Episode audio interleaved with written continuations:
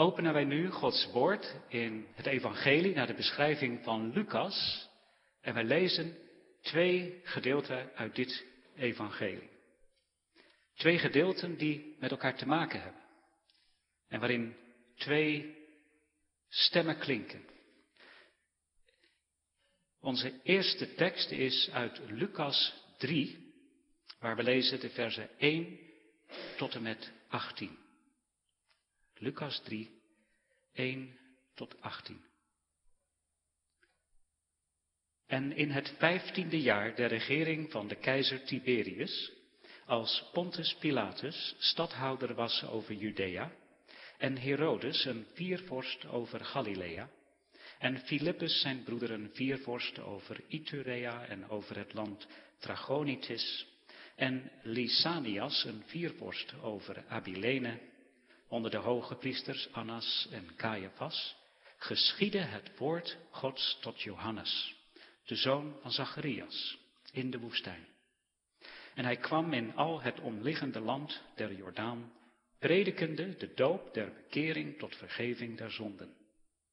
Gelijk geschreven is in het boek der woorden van Jezaja, de profeet, zeggende, De stem des roependen in de woestijn, bereidt de weg des Heren, maakt zijn paden recht. Alle dal zal gevuld worden en alle berg en heuvel zal vernederd worden. En de kromme wegen zullen tot een rechte weg worden en de oneffen tot effen wegen. En alle vlees zal de zaligheid Gods zien. Hij zei dan tot de scharen die uitkwamen om van hem gedoopt te worden, gij adderen gebroedsels, wie heeft u aangewezen te vlieden van de toekomende toren? Breng dan vruchten voort, der bekering waardig. En begin niet te zeggen bij uzelf, wij hebben Abraham tot een vader. Want ik zeg u, dat God zelfs uit deze stenen Abraham kinderen kan verwekken. En de bijl ligt ook alrede aan de wortel der bomen. Alle boom dan die geen goede vrucht voortbrengt, wordt uitgehouwen en in het vuur geworpen. En de scharen vroegen hem, zeggende, wat zullen wij dan doen? En hij antwoordende zei tot hen, die twee rokken heeft, delen hem mede die geen heeft. En die spijze heeft, doe desgelijks. En er kwamen ook tollenaars om gedoopt te worden en zeiden tot hem, meester, wat zullen wij doen? En hij zei tot hen, eist niet meer dan hetgeen u gezet is. En hem vroegen ook de krijgslieden, zeggende, en wij, wat zullen wij doen? En hij zei tot hen, doet niemand overlast en ontvreemdt niemand het zijne met bedrog. En laat u vergenoegen met uw bezoldigingen. En als het volk verwachtte en alle in hun harten overlegden van Johannes of hij niet mogelijk de Christus ware, zo antwoordde Johannes aan allen zeggende, ik doop u wel met water, maar hij komt die sterker is dan ik, wien ik niet waardig ben de riem van zijn schoenen te ontwinden.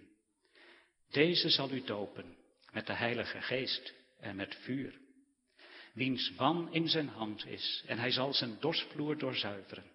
En de tarwe zal hij in zijn schuur samenbrengen, maar het kaf zal hij met onuitblusselijk vuur verbranden. Hij dan ook nog vele andere dingen vermanende, verkondigde het volk het evangelie. Onze tweede schriftlezing is uit hoofdstuk 13 van ditzelfde evangelie. Lucas 13, en dan lezen we de eerste negen versen. En er waren te diezelfde tijd enige tegenwoordig die hem, de Heer Jezus, boodschapten van de Galileërs, welker bloed Pilatus met hun offeranden gemengd had. En Jezus antwoordde en zei tot hen, meent gij dat deze Galileërs zondaars zijn geweest boven al de Galileërs? omdat ze zulks geleden hebben? Ik zeg u, nee zij. Maar indien gij u niet bekeert, zo zult gij allen desgelijks vergaan. Of die achttien, op welke de toren in Siloam viel en hen doodde? Meent gij dat deze schuldenaars zijn geweest boven alle mensen die in Jeruzalem wonen? Ik zeg u, nee zij. Maar indien gij u niet bekeert, zo zult gij allen insgelijks vergaan. En hij zei deze gelijkenis. Een zeker man had een vijgenboom, geplant in zijn wijngaard. En hij kwam en zocht vrucht daarop, en vond ze niet. En hij zei tot de wijngaardenier, zie, ik kom nu drie jaren zoekende vrucht op deze vijgenboom, en vind ze niet. Hou hem uit. Waartoe beslaat hij ook onnuttelijk de aarde? En hij antwoordende zei tot hem, Heere, laat hem ook nog dit jaar, totdat ik om hem gegraven en mest gelegd zal hebben. En indien hij vrucht zal voortbrengen, laat hem staan. Maar indien niet, zo zult gij hem namaals uithouden. Tot zover de lezing uit Gods woord. Dit voorjaar planten mijn vrouw en ik in onze achtertuin drie kleine appelboompjes. Nog kleiner dan ik zelf ben. En we omringden die drie appelboompjes met alle mogelijke zorg. De aarde werd rul gemaakt, er werd mest bijgedaan. Elke dag gaven we die drie kleine appelboompjes water. En elke dag keken we of er al bloesem kwam. En we hadden weinig hoop op vrucht na enkele maanden. Maar volgend jaar, dan verwachten we vrucht. En ons inkomen hangt daar niet van af. We zien in de Bijbel herhaaldelijk dat de mens wordt vergeleken met een boom. En jongens en meisjes, we hebben er zojuist over gezongen. Uit Psalm 1. Welzalig de man die niet wandelt in de raad van de zondaar, van de goddeloze. En die er ook niet op staat op die weg en die niet zit in het gestoelte van de spotters. Welzalig, want hij zal zijn als een boom, geplant aan waterbeek en hij zal zijn vrucht geven op zijn tijd. Maar ook op andere plaatsen zie je dat het woord van de Heere spreekt over mensen in de vorm van een boom. In Prediker 11 lezen we dat een boom staat naar het noorden of naar het zuiden en zo hij valt, zal hij blijven liggen. En in Jesaja 5 maakt de Heere een vergelijking tussen zijn eigen volk en een wijngaard. Een wijngaard waar hij alles aan gedaan heeft. Ommuurd, de stenen eruit gehaald, alle zorg gegeven. En hij zegt ook, deze wijngaard is het huis Israëls. En de plant van zijn verlustiging, dat zijn de mannen van Juda. En in Hosea 9 en Joel 1 wordt het volk van de Here vergeleken met een vijgenboom. Ook Johannes de Doper, zoals we vanmorgen lazen, spreekt over een boom. En hij spreekt klinkklare taal. Want hij zegt dat er al een bijl ligt aan de wortel van de bomen. Daar ligt een bijl. En hij dringt de mensen om vruchten voor te brengen van geloof en bekering.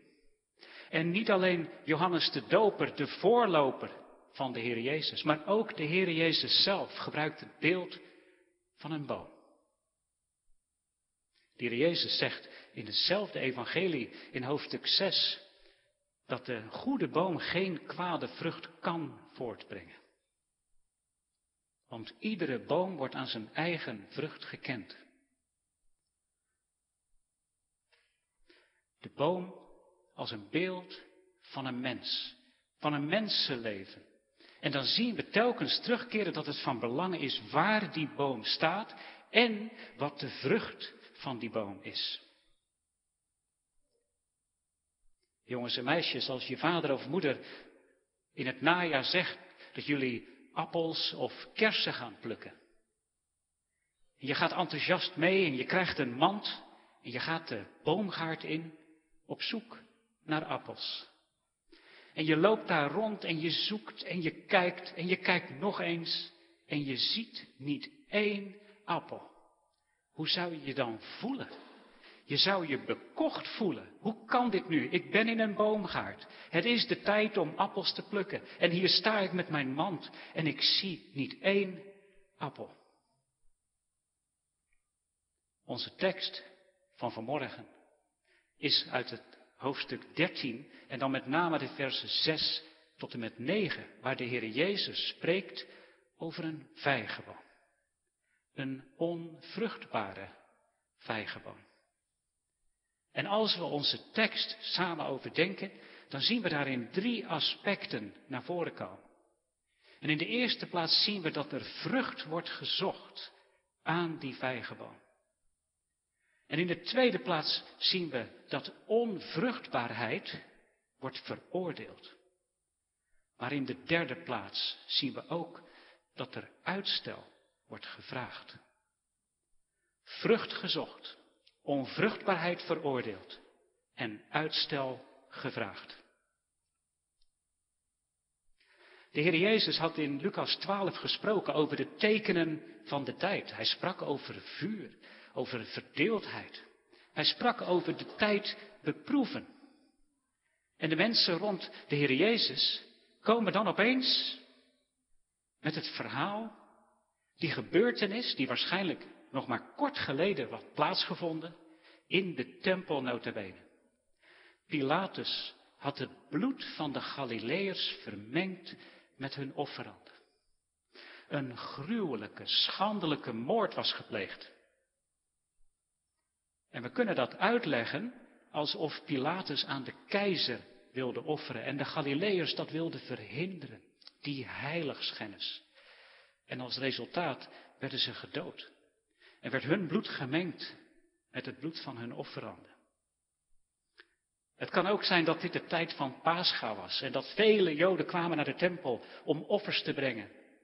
En dat Pilatus bang en overweldigd was. En dat hij kwam tot die dubbele heiligschennis. Het offerbloed werd verontreinigd en er kwamen heidensoldaten in die tempel. En als we zo lezen wat die mensen tegen de Heer Jezus zeggen, dan lezen we tussen de regels door een schuldvraag. Die schuldvraag, die speelt telkens weer op. Was dat hun eigen schuld of was dat de schuld van iemand anders? En de Heer Jezus geeft antwoord op een verrassende manier. Hij doorziet die vergeldingsleer van de Fariseeën. Want hij wist ook dat zijn discipelen, toen ze in Johannes 9 die blinde man zagen en direct zeiden, heeft hij gezondigd of zijn ouders? En dat zeiden ze misschien wel voordat ze het wisten. Dat zat er bij de mensen in, die vergeldingsleer. Als je iets ergs overkomt, dan zul je wel een erge zonde hebben gedaan. Dat zijn die slechte mensen, die een grotere zondaar en een grotere schuldenaar zijn dan ik. En daarom is hen dat overkomen. 1 plus 1 is 2. Maar de Heere confronteert de mensen. En hij houdt ze een spiegel voor. Het is niet die vergeldingsleer. Het is Gods soevereine hand. God, de Heere, die wij niet kunnen begrijpen. En, en voordat wij die mensen rond de Heer Jezus veroordelen, laten we een ogenblik stil zijn. En bedenken of wij beter zijn dan zij. Denken wij ook niet als we horen over een liquidatie van een crimineel in Amsterdam? Eigen schuld. En als we lezen over mensen die sterven aan aids? Eigen schuld. En als we lezen over die mensen op dat eiland Lesbos, die zelfs hun schamele onderkomen in rook hebben zien opgaan, misschien zelf aangestoken, eigen schuld. Denken wij ook niet zo? Zoals de mensen rond de Heer Jezus. En zijn wij ook niet zoals zij dat we graag spreken en denken over de schandelijke zonde van een ander? En dat we graag spreken over een dood van een ander. Een gruwelijke dood misschien. Maar zodra het dichterbij komt, dan haken we af. Is het herkenbaar bij u en bij jou dat we liever niet over onze eigen zonde spreken En over onze eigen aanstaande dood. Omdat we weten dat sterven God ontmoeten is. En omdat we weten dat God een rechtvaardig God is. En omdat we weten dat we voor Hem niet kunnen bestaan. Zonder het bloed van Christus. Zonder vergeving. Zonder verzoening is de Heer een verterend vuur. Hebben we dat wel eens bedacht? Of komen we nog steeds tot snelle conclusies? Als er een nachtclub uitbrandt. Of als er geschoten wordt op een festival met zondige muziek. Zien we die mensen als zondaren in een overtreffende trap. Veel erger dan wij. Nee, zegt de Heer Jezus. Kijk naar jezelf. En kijk naar je eigen leven. Kijk naar je eigen levensboom. Hoe staat het er daarmee? Neem zij. Indien gij u niet bekeert, gij allen zult desgelijks vergaan. Denk niet dat die mensen slechter waren dan jij bent of u bent. Als je je niet bekeert, zal het u en jou, zegt de Heer Jezus, net zo gaan. En dat is met de Israëlieten gebeurd, 70 na Christus. Jeruzalem verwoest, de tempel verwoest. Maar het gebeurt ook op de grote oordeelsdag. Voor alle mensen die op deze aarde leven of hebben geleefd. De Heer Jezus stelt dat denken en die trots aan de kaak. En hij komt zelf met nog een ander voorbeeld. In vers 3. Waar hij dat voorbeeld zelf noemt van die mensen waar de toren van Siloam opviel. Siloam. Er was in de tijd van de koningen in het Oude Testament een tunnel gegraven van de Gihonbron naar Siloam. En de mensen dachten dat daar ook een kracht van uitging. Dat was een epicentrum, dat was een plek in Jeruzalem waar het altijd krioelde van de mensen en juist daar viel een toren op mensen. 18 doden en vele gewonden ook waarschijnlijk. Denkt u dat dat schuldenaars waren. Meer dan gij zijt. Boven alle mensen in Jeruzalem. Ziet u dat de Heer Jezus twee verschillende woorden gebruikt? In vers 2 gaat het over zondaars en in, vers 4 gaat het over schuldenaars.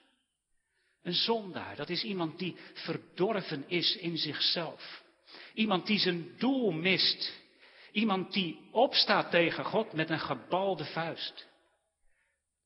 Maar een schuldenaar, dat is iemand die al die zonden heeft opgestapeld. Die een schuld heeft, die, die zijn leven niet betalen kan. Een zondaar en een schuldenaar. Denkt u, meent u, zegt de Heer Jezus, dat dat ergere zondaars en ergere schuldenaars waren dan u bent? Nee, de Heer Jezus spreekt een alarm aan de onbekeerden. En dat is een confronterende en schokkende boodschap. Maar het is waar. Indien gij u niet bekeert, gij zult alle desgelijks vergaan. Het gaat om omkeren of omkomen. Dat is wat de Heer Jezus zegt. De Heer Jezus wijst zelfs twee keer in ons tekstgedeelte op de noodzaak van bekering. Die 180 graden draai die we nodig hebben in ons leven. Met berouw en geloof en beleidenis van zonde. En die bekering is ook dagelijks weer nodig. Een dagelijkse bekering tot de Here. In onze tekst houdt de Heer Jezus de mensen in Jeruzalem, maar ook in IJsselmuiden Grafhorst een spiegel voor. Met een waarschuwing. Een ernstig woord. Maar een woord dat gehoord moet worden. En onze tekst over die vijgenboom begint met het woordje en. En dat zegt al dat de gelijkenis van de vijgenboom past bij de eerste vijf versen. Het is een nadere uitleg van wat de Heer Jezus de mensen wil duidelijk maken. Die onvruchtbare vijgenboom, een gelijkenis. Jongens en meisjes, wat is een gelijkenis? Eenvoudig om te onthouden is dit. Het is een aards verhaal met een hemelse betekenis. De Heer Jezus gebruikt voorbeelden van alle dag. Dingen en zaken en gebeurtenissen die de mensen om zich heen zien. Om ze iets duidelijk te maken. Over het koninkrijk der hemelen. Over zijn koninkrijk. Dat zo anders is dan alle andere koninkrijken op deze wereld. Hij ziet hun onbegrip. En hij peilt hun onwil. En hij ziet ook, ook hun onbekeerlijkheid. En hun geestelijke onvruchtbaarheid. Maar hij laat ze niet aan hun lot over. Hij laat ze niet zomaar doorgaan op die weg, maar komt met deze gelijkenis. Omdat zijn middelaarshart klopt van liefde voor zondaren, die geestelijk onvruchtbaar zijn, die geen enkele vrucht kunnen voortbrengen dan de stinkende vruchten die je zomaar wil weggooien.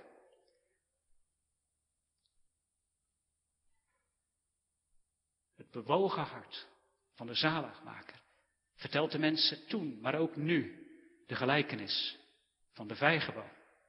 Een vijgenboom die heel gewoon was in Israël. Een boom die heel hoog kon worden, wel zes of zeven meter. En ook heel wijd, met grote bladeren en takken die wijd waren uitgestrekt. En daaronder kon je schuilen in de schaduw. Een vijgenboom. Het hout van een vijgenboom was waardeloos. Het was sponsig hout dat alleen maar diende als brandhout. Je kon er niets mee timmeren. Het enige nut van een vijgenboom waren de vijgen. En die boom droeg wel twee tot drie keer per jaar vrucht. Josephus zegt dat een vijgenboom in Israël wel tien maanden lang in een jaar vruchten droeg. Bijna het hele jaar door kon je vrucht vinden op een vijgenboom. Stond in hoog aanzien. En het was ook een beeld samen met de wijnstok van vrede, welvaart en geluk. De wijnstok en de vijgenboom. En deze eh, vijgenboom is geplant in een wijngaard. Een wijngaard waar alle stenen zijn verwijderd. Op het beste plekje met de meest vruchtbare grond. Waar een muur omheen staat en waar dagelijks wordt gewerkt. Waar de beste zorg wordt gegeven. Niet alleen aan de wijnstokken, maar ook aan de vijgenboom.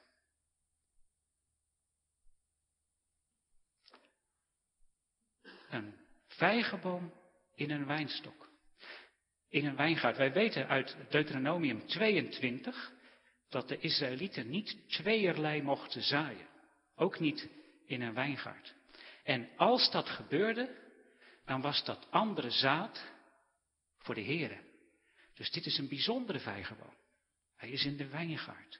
Maar omdat het een tweede soort plant is, is de opbrengst voor de Heer. Een zekere man had een vijgenboom.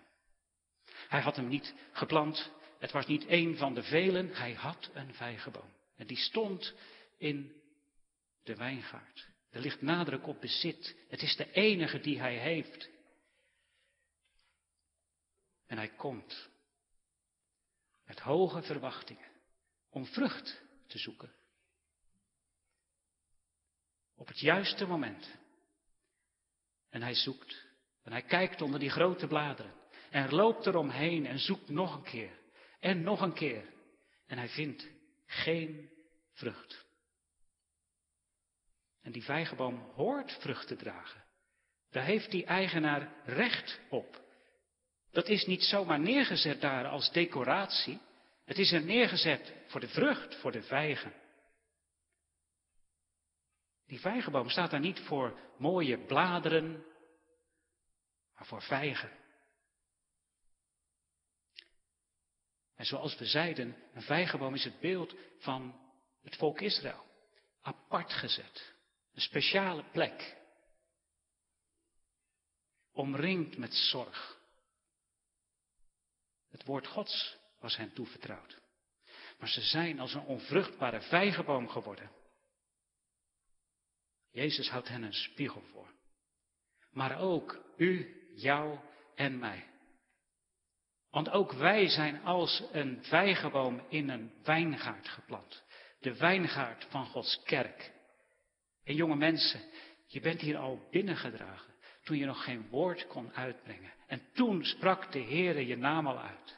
En legde hij beslag op je. Ik wil dat je bij mij hoort. Ik wil dat je van mij bent. En ik wil dat je voor mij leeft je leven lang. En dat je leven is als een dankoffer. Ik wil dat je mij je hart geeft. Ik wil dat je vrucht draagt voor mij. De wijngaard van de kerk. En in Jezaja 5 zegt de Heer over die wijngaard. Wat is er meer te doen aan mijn wijngaard dan ik nog niet gedaan heb? Noem het maar. Heb ik nog iets achterwege gelaten? Is er iets waar je je hand op kan leggen, wat niet is geschonken en wat niet is verkondigd en wat je niet is gegeven? Er is zondag aan zondag mest om je levensboom gelegd. En van jongs af aan ben je opgegroeid met de woorden van de Heere. Wat is de vrucht? Is er iets wat de Heer nog niet heeft gedaan? Aan de wijngaard van IJsselmuiden de Grafhorst. Er is vanmorgen een hemelse inspectie van onze levensboom. Niets wordt overgeslagen.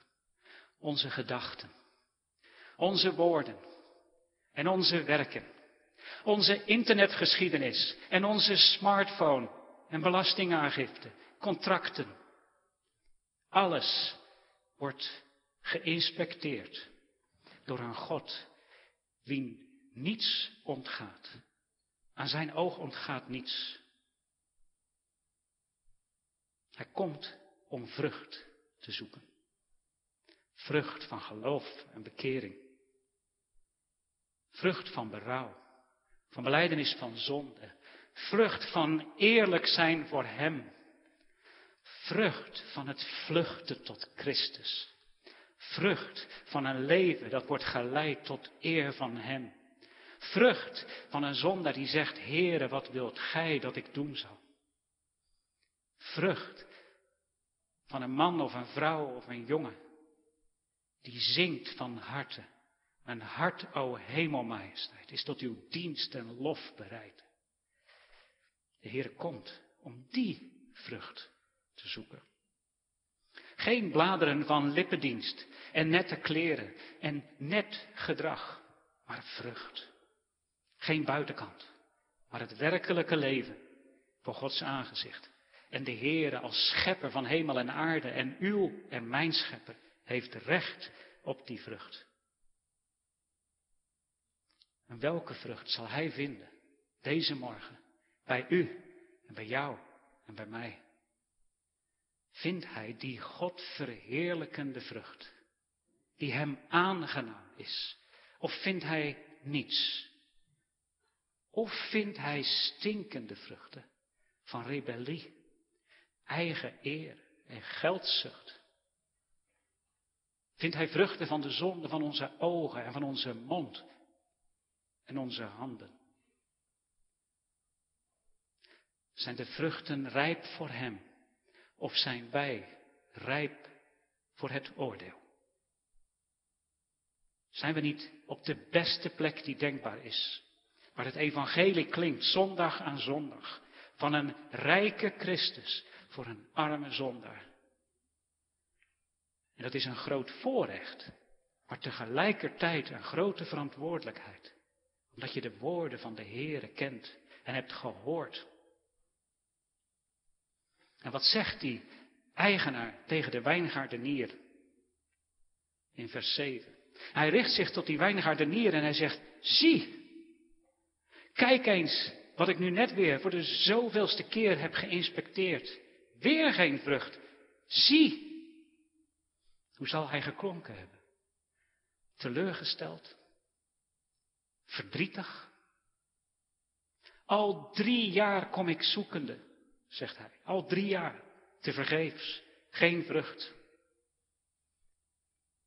En we denken misschien dat die vijgenboom daar drie jaar stond.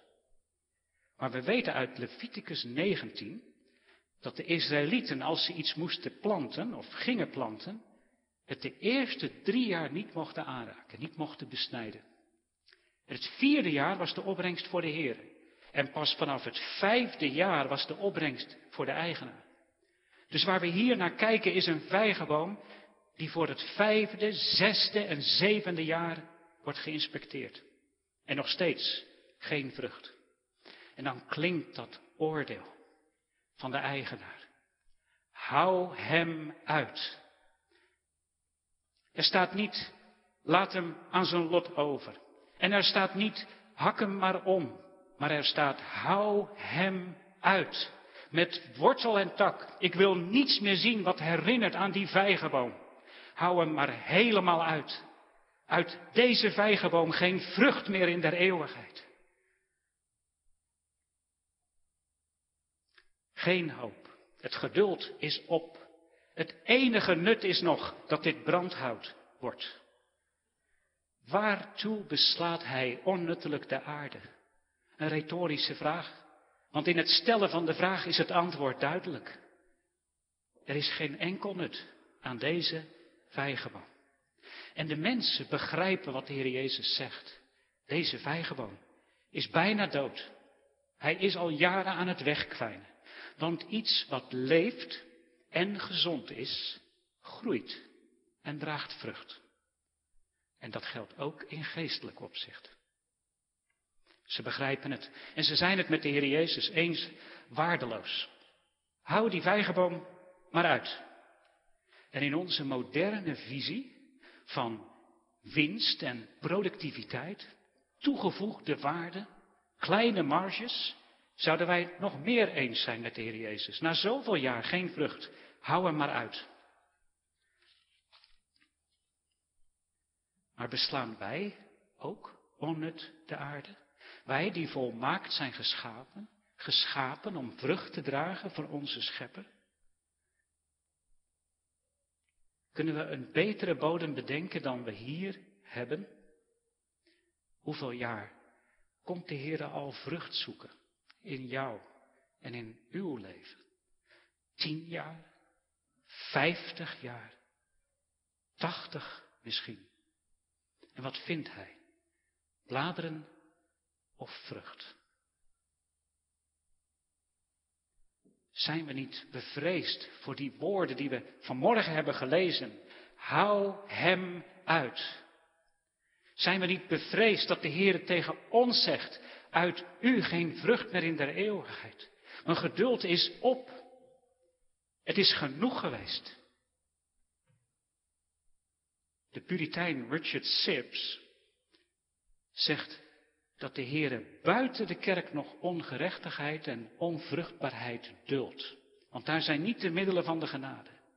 Maar wee degene die in de kerk is en met zijn levensboom nog steeds geen vrucht draagt, ondanks al die arbeid, ondanks al die mest die wordt gelegd en al dat besproeien en dat verzorgen.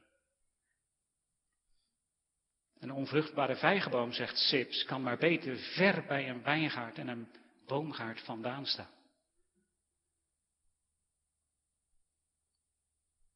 En we weten dat de Heere zegt in 2 Korinthe 5 dat wij allen moeten verschijnen voor de rechterstoel van Christus. Opdat een iegelijk wegdragen hetgeen in het lichaam geschiet nadat hij gedaan heeft. Het zij goed, het zij kwaad. En we zien ook in gedachten die wijngaardenier meelopen met de eigenaar. En we kunnen ons zo voorstellen dat ze spreken over al het werk dat is gedaan aan alle planten die daar staan en de opbrengst die wordt verwacht. Hij brengt verslag uit en loopt zo naast die eigenaar en hij ziet hem lopen naar die vijgenboom. En hij wordt al stil, want hij weet het al. Hij weet het al, er is weer geen vrucht aan deze vijgenboom. Nu komt die eigenaar al voor de zoveelste keer. Hij weet het. En hij kan niet anders dan het eens zijn met de eigenaar. Deze vijgenboom moet worden uitgehouden. En toch, toch pleit deze wijngaardenier voor die onvruchtbare vijgenboom. En dat wordt zo mooi uitgebeeld in een ets van Jan Luiken. Waarin in dat ene plaatje zoveel staat. Een trotse eigenaar. Die met de ene hand wijst op die vijgenboom en met de andere hand een gebaar maakt van hou hem maar uit. En dan zie je aan de andere kant van die boom de wijngaardenier met de schop in één hand en wijzend op de aarde rondom die vijgenboom, pleitend. Laat me nog even graven, geef hem nog een jaar. En ik zal er mest om leggen. Indien hij vrucht draagt over een jaar, laat hem dan staan. Laat hem ook nog dit jaar. En in dat grondwoord, in de grondtekst, betekent dat ook toelaten, dulden. Houd het oordeel nog terug. Hij spreekt de eigenaar niet tegen. En toch pleit hij voor de boom. En hij zal er niet alleen maar. Hij, zal, hij vraagt niet alleen uitstel, maar zal ook een jaar lang nog extra zorg besteden aan deze boom.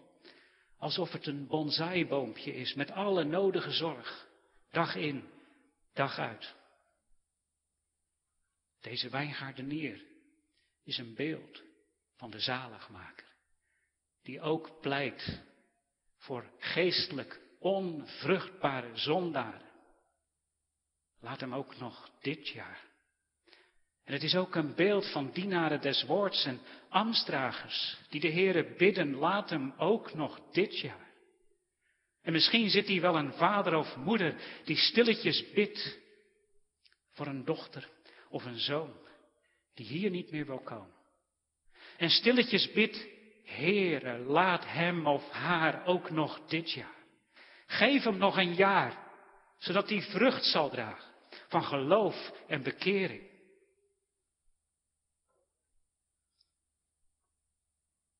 Wat we zien is dat in het laatste vers die wijngaardenier zegt, als die dan na een jaar nog geen vrucht draagt, zult gij hem uithouden. Dat doet hij zelf niet. Het eindoordeel is aan de eigenaar en niet aan de wijngaardenier. Het oordeel is uitgesproken, maar wordt nog niet uitgevoerd. En daarom worden we erop gewezen deze morgen dat we ons moeten haasten om ons levenswil. Dat we moeten luisteren alsof het vanmorgen de laatste keer is dat de Heer zijn woord tot je richt. En dat je misschien niet nog een jaar krijgt, maar misschien slechts een maand of een week of een dag. Het is Gods oneindige goedheid en zijn langmoedigheid dat Hij nog een jaar geeft. Nog meer genadetijd en nog meer genademiddelen. En je nog een keer het evangelie laat horen.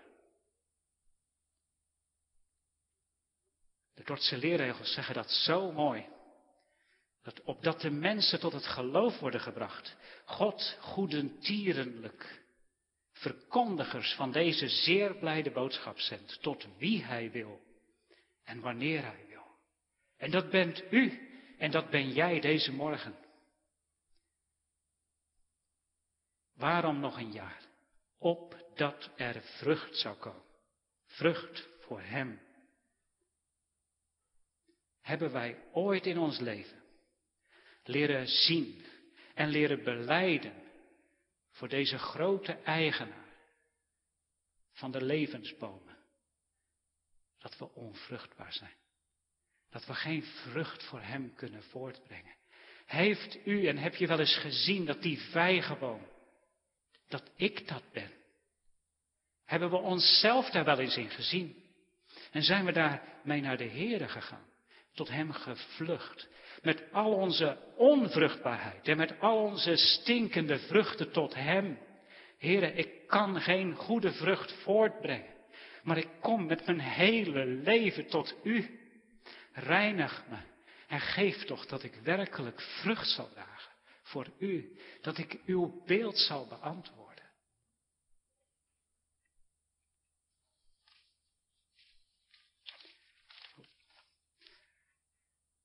Het is genade dat deze morgen de Heere om vrucht komt zoeken. Het is genade. Want als Hij het ons zou door laten rollen op de weg naar het verderf. Zouden we nooit horen over de noodzaak van vrucht dragen. Je kunt je nooit te vroeg bekeren, omdat je niet weet wanneer het te laat zal zijn, zei Thomas Fuller, een andere puritein. Je kunt je nooit te vroeg bekeren, omdat je niet weet wanneer het te laat zal zijn. De Heere heeft redenen te over om van u en van mij te zeggen, het is genoeg. Niet nog een jaar. Ik heb geen geduld meer. Hou hem of haar maar uit. Hebben we dat wel eens beleden voor hem? Maar hebben we ook gezien dat er vergeving is bij deze God? Dat hij een zaligmaker heeft gezonden voor onvruchtbare zondaren. Voor die levensbomen die niets goeds voortbrengen. Juist voor zulke kwam hij. En daarom is er hoop. En dat is onze enige hoop. Want op Golgotha is er een levensboom uitgehouwen. Met wortel en tak. Door iedereen verlaten en beschimpt. Zelfs door zijn hemelse vader verlaten. Hij die een reisje was uit de afgehouwen tronk van Isaïe. Een scheut uit zijn wortelen die vrucht zou voortbrengen. En hij droeg vrucht. Niet zomaar drie keer per jaar, maar elke dag droeg hij vrucht. Hij sprak woorden van zijn koninkrijk. Hij moest zijn in de dingen van zijn vader. Hij was volmaakt gehoorzaam. En hij kwam om te zoeken en zalig te maken dat verloren was, wat onvruchtbaar was. Hij was die goede herder die zijn leven stelt voor de schapen. Hij was die ware wijnstok in wie we moeten zijn, geënt in hem. Hij werd zelf uitgehouden. Hij kwam tot het zijne, maar de zijnen hebben hem niet aangenomen. Weg met hem. Kruist hem. Een doornkroon en spot en de geestel viel hem ten deel.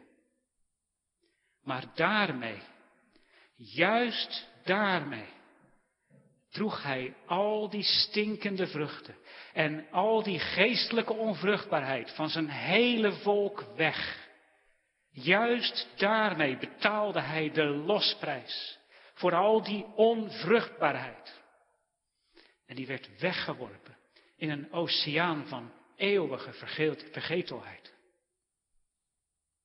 En de vrucht van zijn werk is dat tot op de dag van vandaag uit het ganse menselijk geslacht mensen worden vergaderd. Dat die, dat bruidswerven maar doorgaat. En dat de Heere er telkens weer tot hem trekt met koorden van liefde. En hun ogen laat opengaan. En ze laat zien hoe ze geworden zijn in de val. En alle vruchten die ze hebben voortgebracht, hoe oud ze ook zijn en wat hun leven ook was. En de vrucht is dat ze Hem nodig krijgen. Hem lief gaan houden, hebben. Dat ze Hem omhelzen met armen van het geloof. Dat ze niet zonder Hem kunnen leven en willen leven. En dat ze ook niet zonder Hem kunnen sterven. Dat is de vrucht van deze boom. En hij komt nu tot ons als zaligmaker. Maar eenmaal komt hij als rechter van de levenden en de doden. En voor een vijgenboom, na zoveel jaar, is het eigenlijk onmogelijk dat hij nog vrucht gaat dragen in dat extra jaar.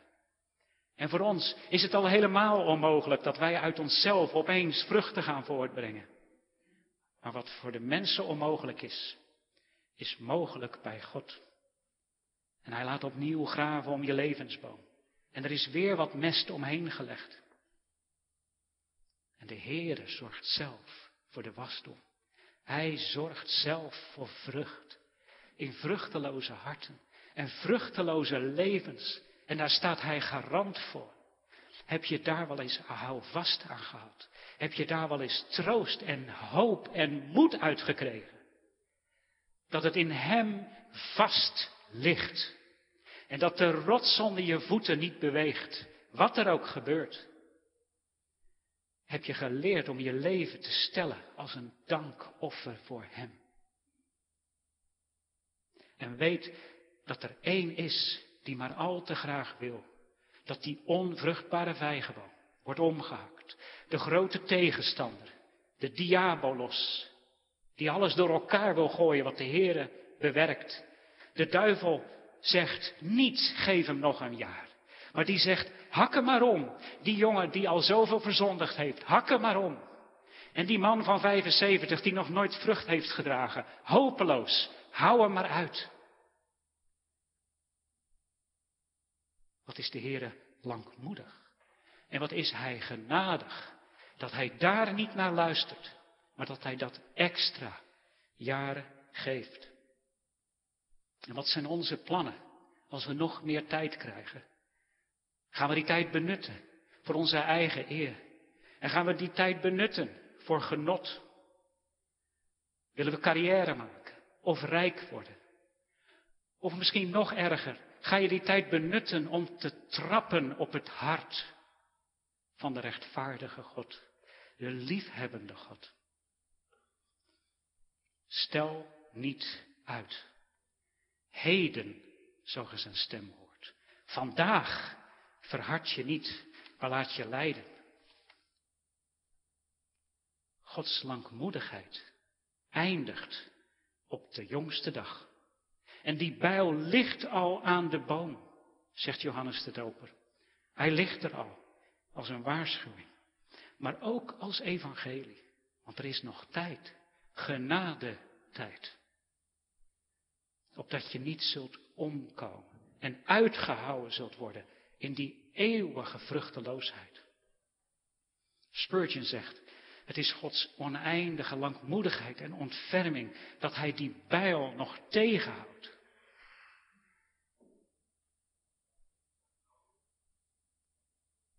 Elke dag dat we in, ons, in het huis van de Here zijn, is het een onverdiende zegen. Nog een zondag, nog meer genadetijd. Maar als het nu werkelijk de laatste keer is dat je in zijn huis bent, wat heeft het dan opgebracht aan vrucht? O, dat toch iedereen hier vergadert, maar ook thuis die meeluistert, persoonlijk weet van het vruchtdragen voor Hem van die bekering tot Hem. Persoonlijk weet dat het of omkeren of omkomen is. Wat zijn die goede vruchten? vraagt een jongen of een meisje. We hebben al genoemd geloof en bekering. Maar het betekent ook dat je de Heere op zijn woord gelooft. En dat je het niet alleen gelooft, maar dat je ook doet wat hij zegt in zijn woord. Dat is niet alleen hoorders, maar ook daders zijn van het woord. Dan ken je die je leven, die omkering, die verandering. Dan is het je lust, je verlangen om voor Hem te leven. Dan verzaak je de wereld met alle genot. Dan ga je de zonde ook haten in je eigen leven. Haten en laten. Vlieden is een oud woord, maar je vlucht voor de zonde. En Johannes in Lucas 3 noemt ook praktische voorbeelden. Dat die tollenaar niet meer moet eisen dan hij mag eisen. Dat vruchtdragen is ook vruchtdragen in je dagelijks werk en in je dagelijks leven. Eerlijk zijn. Naar zijn, naar zijn wet leven. Naar zijn wil. Tot zijn eer. Betekent ook dat er die kinderlijke vrezen in je hart leeft voor Hem. Een vrees die ook liefde is. Liefde tot Hem. Galaten 5 zegt ook zo mooi, die vruchten van de geest, liefde, blijdschap, vrede, langmoedigheid, goede tierenheid, goedheid, geloof, zachtmoedigheid, matigheid. Maar zegt iemand, hoe kan ik dan vrucht dragen. In de eerste plaats moet je geworteld zijn in de schrift. geworteld in het woord van de Heer, dat daar je levenssappen uitkomen en dat dat uitmondt in vruchten voor Hem. Geworteld zijn in het woord van God dat vaststaat, zodat je niet omwaait als het stormt in je leven. En ook dat je niet meewaait met alle wind van leer. Het betekent ook dat je geënt bent in die ware wijnstok. En dat daar je sappen uitkomen. Uit de Heer Jezus. Het betekent ook dat je bij bevinding van ellende, verlossing en dankbaarheid kent, weet in je leven. Het betekent dat je hem zijn hart, je hart geeft. En dat je zijn belofte omhelst en toe-eigent. Het betekent dat je zijn wet lief hebt. Maar het betekent ook dat je jezelf verloochent, je kruis opneemt en hem volgt. En dat vruchtdragen, dat begint vaak in de stilte van het hart, waar de Heere werkt. Het begint als een klein takje, aanvankelijk onopgemerkt. Maar het blijft niet onopgemerkt. Het zal zichtbaar en hoorbaar en merkbaar zijn. En mensen die vrucht dragen voor de Heer, die werkelijk een levensboom hebben vol vruchten voor Hem, worden daar niet iets mee in zichzelf. Maar die takken die zo vol vruchten zijn, die buigen laag. Ze zijn dicht bij de grond, klein van zichzelf. Deze gelijkenis houdt ons een spiegel voor. En in deze gelijkenis schittert ook de genade van God. En als er nog iemand is in ons midden, die moet zeggen, ik ben nog steeds, na zoveel keer het woord van de Heer te hebben gehoord, nog steeds vruchteloos. Vlucht daarmee tot Hem. Wees maar eerlijk voor Hem. Leg het allemaal voor Hem neer. Al die stinkende vruchten en al je onvruchtbaarheid.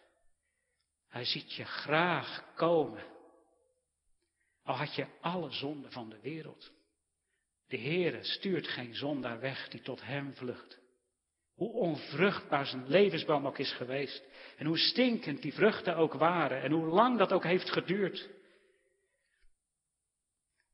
Want de God van deze gelijkenis is ook de God die zegt, zo waarachtig als ik leef, spreekt de Heere Heere, zo ik lust heb aan de dood van de goddeloze. Maar daarin heb ik lust, dat de zondaar zich bekeren van zijn weg en leven. Amen.